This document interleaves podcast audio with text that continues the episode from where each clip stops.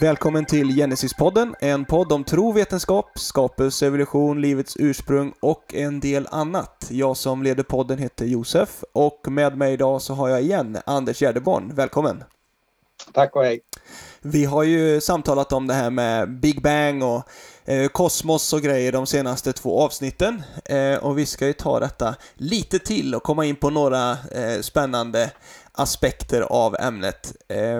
Alltså en sak som vi inte riktigt nämnde eh, i förra avsnittet är just detta med, med underverk då. Vi talar ju om detta med naturalism, alltså vetenskap som utesluter Gud och eh, det är vi inte så mycket, känner att det är ju, det är ju en dåligt antagande. Men detta med underverk då, hur, hur eh, hänger det ihop med naturvetenskapen? Ja, det är eh, någonting man måste, eller bör ta med också när man pratar om just att vetenskapen studerar naturlagar och eh, naturlagarna måste ha en lagstiftare som då är, är, är Gud. Och eh, eh då frågar man sig hur underverk kommer in, det vill säga händelser som inte har en naturvetenskaplig förklaring, som inte följer naturvetenskapens lagar. Och eh, i det här scenariot då när jag talar om en lagstiftare bakom naturlagarna så är det ganska naturligt med underverk. Eh, därför att Gud och lagstiftaren, han har naturligtvis inte gjort sig till slav under sina egna lagar. Han som har skapat lagarna kan ju när som helst gå in och bryta dem. Och det gör han väldigt sällan men ibland gör han faktiskt det och det är det då som vi kallar för mirakler eller underverk. Och här har, eh, den, här har naturalisterna då, alltså den naturalistiska vetenskapen, eh, blivit lite, lite döv, lite blind Eh, just därför att man säger att eh, underverk är omöjliga för att det går inte att förklara med naturlagar. Men då har man ju faktiskt glömt att naturlagarna i sig är ju underverk. Naturlagarna i sig kräver ju att de kommer någonstans ifrån. Så att eh, lite, lite tillspetsat uttryckt, det finns inget som helst naturligt med naturen. Naturen i sig är ett underverk. Vi har bara hunnit bli eh, blasé på eller vi har blivit så vana vid att vi kan förklara eller vi kan förklara mekanismerna med naturlagar. Så att vi har alltså blivit blinda för att naturen i sig är ett underverk. Just det, så alltså någonstans om man går tillbaka från början så inser man att det här är ett underverk skapat av Gud, hela, hela alltet. Och då är det naturligt Exakt. med andra underverk också från Guds sida. Ja. Just det. Och sen kan han liksom pytsa in något, något uh, lite lite mindre underverk då och då och då som eftersom vi inte känner igen det bland Guds lagar så kallar vi det för ett mirakel. Men det är fortfarande lagar från Gud, det är bara det att det är generella lagar som han har liksom sparkat igång en gång för alla. Och sen är det lite mer temporära då, tillfälliga lagar som man kan gå in och, och efter behov lägga på sin skapelse. För att till exempel dela eh, Röda havet för sitt folk när de behövde passera. Då gick han in och styrde om lagarna för att det passade i hans frälsningsplan på precis det här speciella tillfället. Just det. Men då om vi återgår till eh, naturlagarna då så, så har vi ju, eh, alltså någonting som man säger att eh, universum verkar vara människocentrerat. Berätta, vad är detta för någonting? Ja, det är någonting som eh, fysiken har kommit fram till eh, sedan 60-70-talet någon gång. Eh, att eh, universum styrs ju av naturlagar och naturkonstanter. Och eh, det har visat sig att de här lagarna och konstanterna de har inte vilka slumpmässiga värden som helst utan de är kalibrerade till varandra för att tillåta liv och framförallt är att tillåta intelligent liv om man säger så. Alltså att eh, om nu universum bara är en slumpprodukt då skulle ju det kunna ha vilken vilka värden på naturkonstanterna som helst. Men då skulle inte materia kunna existera, då skulle inte eh, galaxstrukturer kunna existera. Eh, då skulle inte proteiner kunna existera. Eh, och så vidare och så vidare på område efter område. Och det är inte bara naturkonstanter utan det är också ämnen och, och förhållanden i vårt universum. Till exempel vatten har visat sig att det är ett unikt ämne som är unikt för liv och vatten har massor med unika egenskaper som måste till för att livet ska kunna existera på jorden som vi känner det. Och det här är naturligtvis ingen slump att de här lagarna har de här exakta värdena och vattnet har de här exakta egenskaperna och, och så vidare på område efter område. Utan det visar naturligtvis att någon har tänkt. Men eftersom en naturalist inte kan acceptera slutsatsen att någon har tänkt, då måste de ta till andra förklaringar till varför allting är så optimerat för att tillåta liv. Just det, och hur, och det, hur förklarar man det då? Från naturalistisk Ja, den vanligaste förklaringen är nog det här med multiversum då. Eh, det brukar kallas för en ant, an, eh, antropisk förklaring eller människocentrerad förklaring. Eh, då säger man det att naturlagarna tar fram universa på löpande band. Och eh, de här universa de får kombinationer utav eh, naturkonstanter helt slumpmässigt. Och har man då tillräckligt många universa, kanske till och med oändligt många, då måste det ju av rent slumpmässiga orsaker uppstå något universa som får de rätta, den rätta kombinationen utav naturkonstanter för att liv ska uppstå just där i det universum. Och livet ställer sig frågan varför är jag här och varför är allt så exakt kalibrerat för att jag ska, ska kunna vara här? Och då blir det alltså en människocentrerad syn. Eh, I alla de oändligt många universa kanske som inte har tillräckligt, som inte har um, förutsättningar för liv det uppstår ju inget liv som kan ställa sig frågan.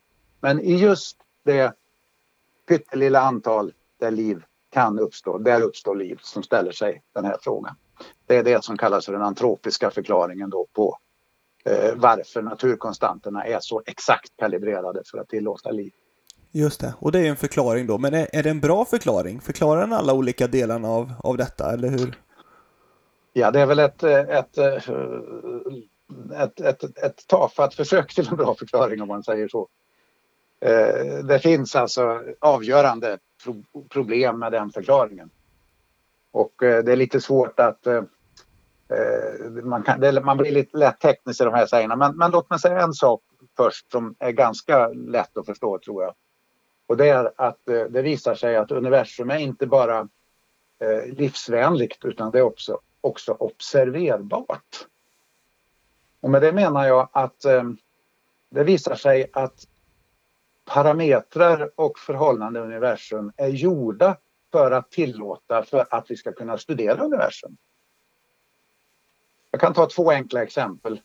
Eh, månens yta är nästan exakt densamma som solens yta. Sett från jorden alltså, den skenbara ytan sett från jorden. De varierar lite på avstånd och sånt va? men men eh, i vissa lägen så täcker månen exakt solens yta, vilket då är väldigt bra vid solförmörkelser för att då kan vi alltså studera solens korona. Då, då skärmar ju månen av det skarpa solljuset och vi kan titta på, månens, på solens korona. Så att just på grund av det där faktum att eh, solens och månens skenbara ytor är lika så får vi en möjlighet att studera vad solen är för någonting. Och det är väldigt liten sannolikhet att det ska vara så. Det finns ingen annan måne av de 60 tror jag man känner i solsystemet som har det förhållandet. Eh, en annan sak som gör universum observerbart är att eh, vi får ju vår information om universum genom olika former av strålning från olika objekt i universum. Och den strålningen från olika objekt den har ungefär samma styrka vilket gör att vi kan studera dem allihop. Tänk att ett, en, en strålning skulle liksom glänsa över alla de andra. Då skulle vi, vi bli förblindade. Vi skulle bli bländade utav den strålningen och inte kunna se den och andra typen av strålning. Och således få mycket mindre information om universum. Så att det verkar också vara någon som har ställt in strålningarna så att vi ska kunna se dem allihop eller åtminstone många utav dem. Och eh, det här, det här faktumet att universum på punkt efter punkt verkar vara gjort för att vi ska kunna observera det. Det kan man inte förklara med den antropiska principen, den människocentrerade principen. För livet kan lika gärna uppstå även om det inte skulle kunna observera universum. Utan det här, den enda förklaringen på att det är observerbart är att någon har tänkt och vilken grund för vetenskapen detta gör. Kan ni tänka er det att universum är gjort för att vi ska kunna studera det? Wow, säger jag. Gud vill att vi ska utforska hans skapelse.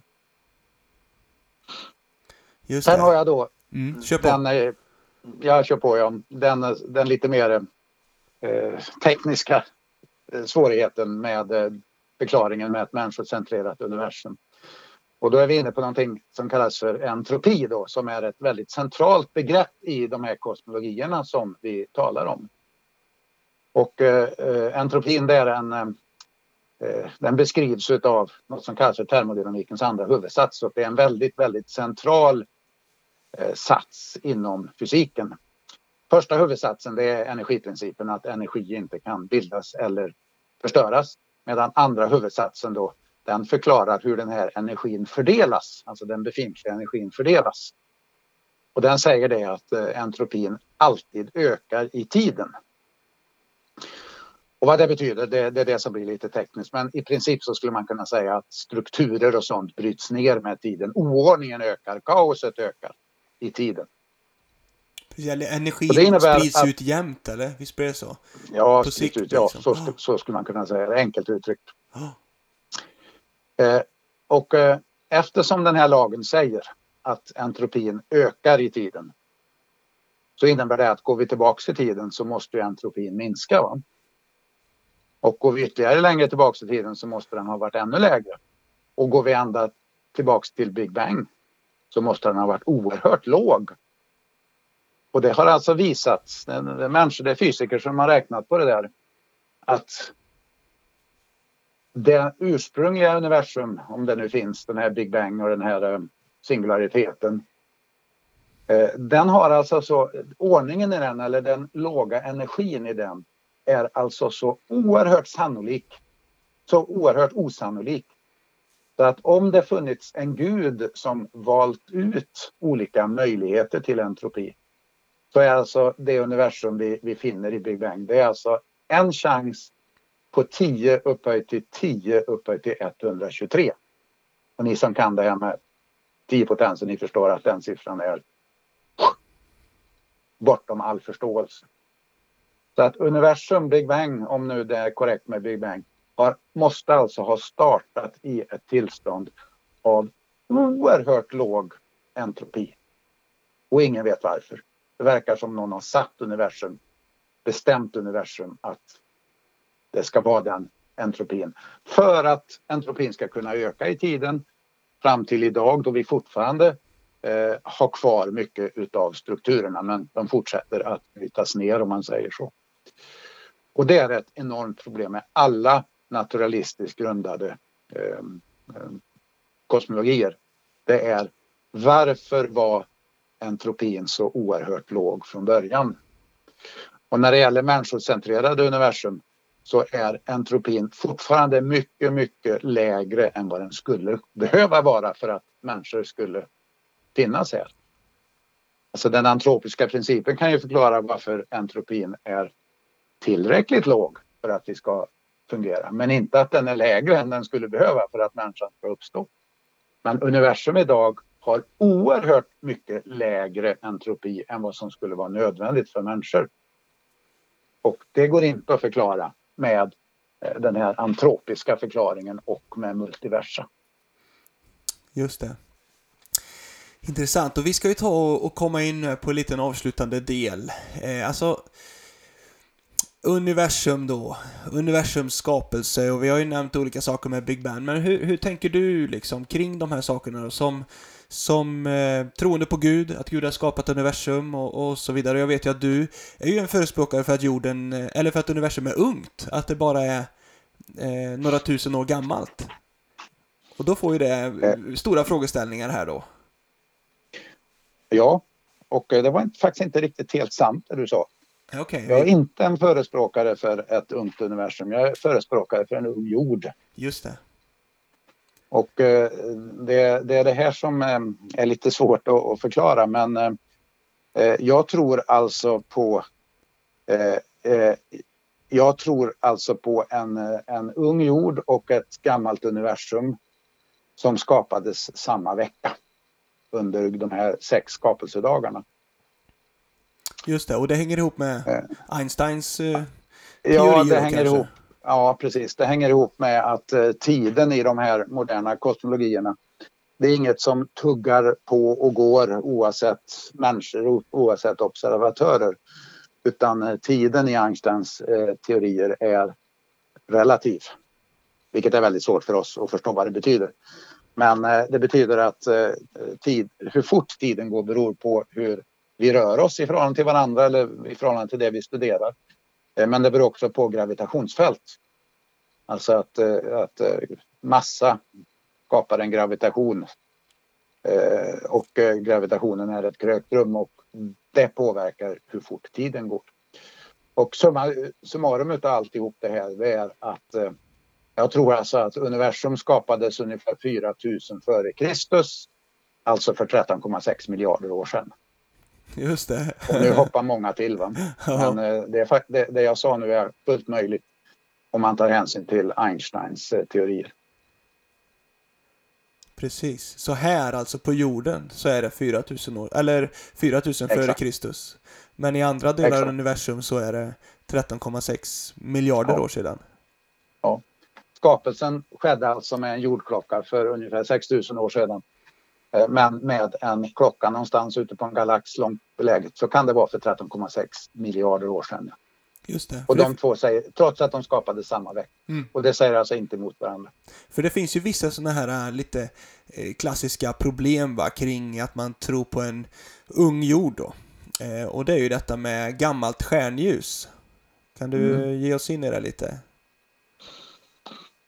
Ja, det är en en, eh, en det klassiska problemet kan man säga för de som förespråkar ett, ett ungt universum. Eh, det är det att eh, om allting skapades för 6000 år sedan, hur har då ljuset hunnit till oss från stjärnor som ligger på miljarder eller miljoner ljusår från oss? Då borde det ju ta eh, miljoner eller miljarder år för stjärnljuset att nå hit. Eh, och det är alltså inget problem i de här eller jag ska säga så här att de här bibliskt baserade kosmologierna som finns, de löser det här problemet med eh, stjärnljuset att det har hunnit hit. Bland annat genom att ta hänsyn till sådana här tidsdilationseffekter, alltså att, eh, eh, att, att tiden går olika fort beroende på var vi är.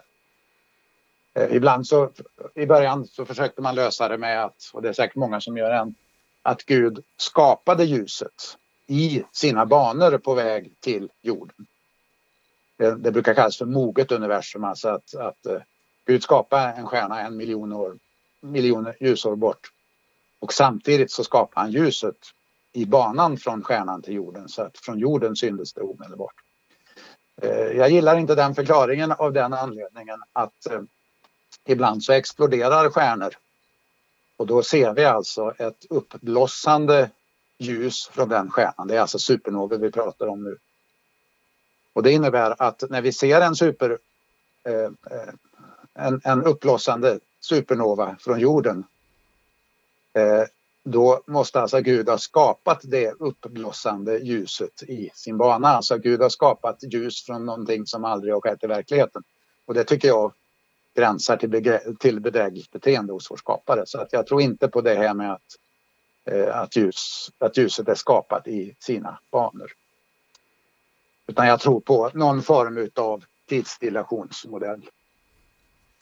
Jag kan väl, får jag nämna en av de där modellerna som eh, inte är så jättegammal. Yes.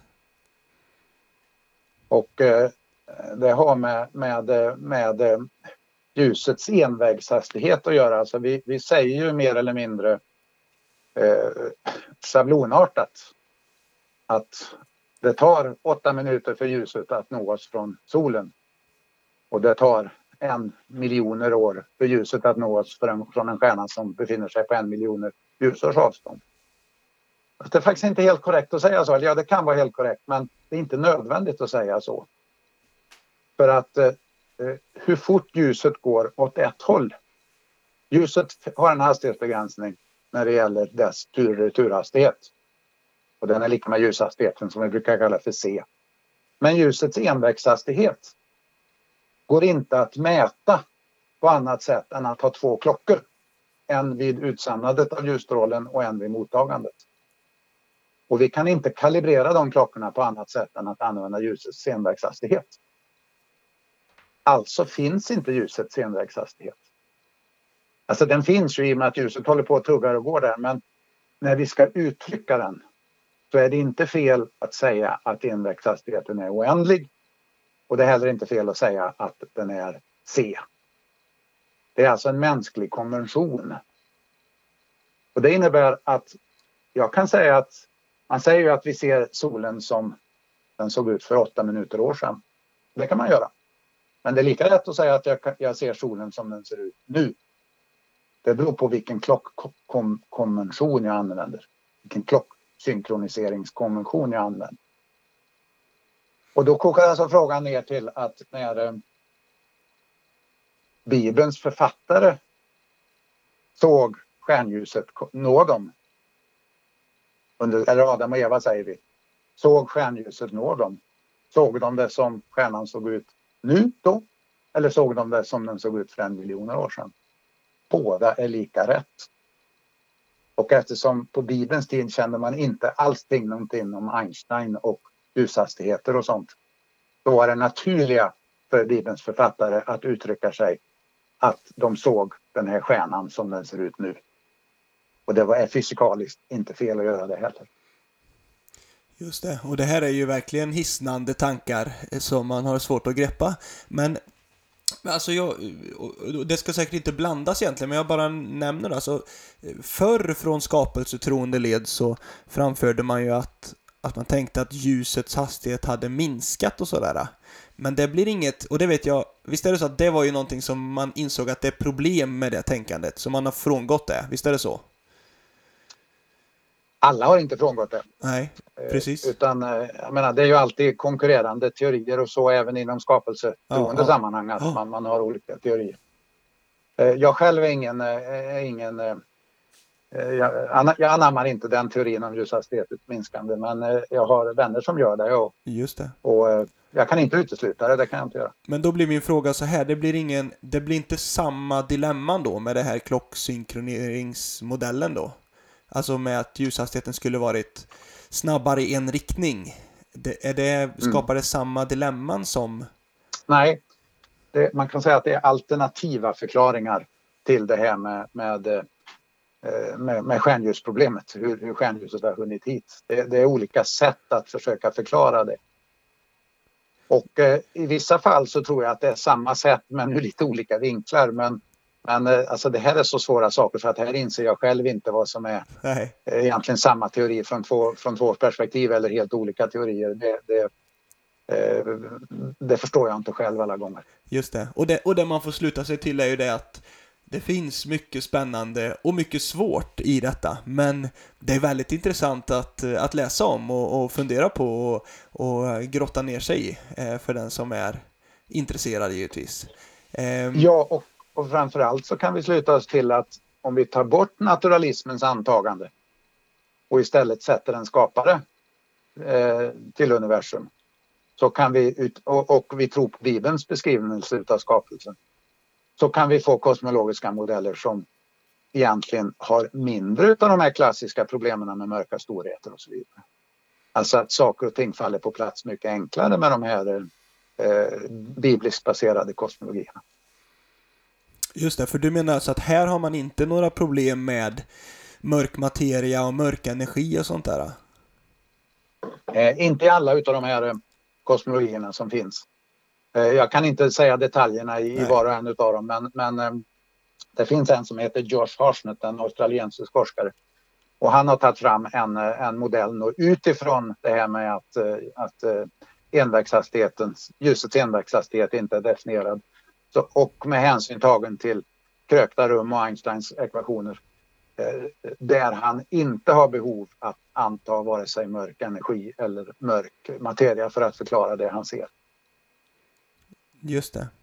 Så för att eh, dra någon form av slutsats här då så innebär detta att det, det finns bra förklaringar eh, som, eh, eh, ja, men som inkluderar Gud. Och det finns bra förklaringar på hur, hur gammalt stjärnljus skulle kunna ha nått en, en ung jord till exempel. Ja. Och ett annat sätt att, att eh, konkludera, konkludera det här skulle jag vilja säga att du kan jobba lika vetenskapligt utan naturalistiska utgångspunkter. Du kan alltså lägga in Gud i, du kan lägga in lagstiftaren i ekvationen och jobba lika vetenskapligt för det. Och jag menar att du gör du det så kommer du fram till mer trovärdiga resultat rent vetenskapligt sett. Du får alltså modeller som bättre stämmer med det vi ser än om du börjar med att utesluta Gud. Just det. Och, och som vi kom till slutsats i något av de föregående avsnitten så är det ju verkligen så att alltså den första orsaken, den har man verkligen inte förklarat utan där behövs det verkligen en, en, någon form av skapare eller eh, gud då. Och, och sen finns det även många andra problem i de här eh, naturalistiska Big Bang-modellerna som inte heller eh, eh gör att de fungerar riktigt då. Ja, det kan man säga. Och när det gäller problemet med den första orsaken så är det ju egentligen inte ett problem med Big Bang-modellen utan det är problem med naturalistisk vetenskap överhuvudtaget. Just det. Alltså naturalistisk eh, vetenskap utesluter något. De utesluter sin egen grund att stå på om man säger så. Eh, alltså naturlagarna står på grunden att det finns en lagstiftare. Och försöker du att eh, förklara naturlagar och samtidigt förneka lagstiftaren, då, då sågar du av den gren du själv sitter på. Du rycker undan grunden för dig själv. Det är det som naturalistisk vetenskap håller på med. Och självklart så kommer de i svårigheter med, med den tokiga grunden. Just det. Ja du Anders, jag, jag, tycker det här är väldigt spännande att få prata med dig lite och få intervjua och, och, och, få till lite poddavsnitt. Och jag hoppas och tror att det finns många av våra lyssnare som tycker att detta är spännande och intressant också. Eh, och jag, jag, hoppas att både våra lyssnare och du Anders får stå ut med min brist på kunskap vissa gånger här. Men hoppas du känner att du har fått vara med och uttrycka det som, eh, det som du har velat säga. Jag tycker du har ställt bra frågor Josef. Ja, tack så mycket. Tack så mycket. Så eh, har man mer frågor då som lyssnare så får man ju väldigt gärna skicka in det på podden.genesis.nu eller på Facebook kan man också skicka in. Eh, är det någonting mer du vill tillägga Anders här i slutskedet? Nej, jag känner mig nöjd och säger tack och hej. Tack så mycket och tack till alla lyssnare. Ha en bra dag. Hej då på er.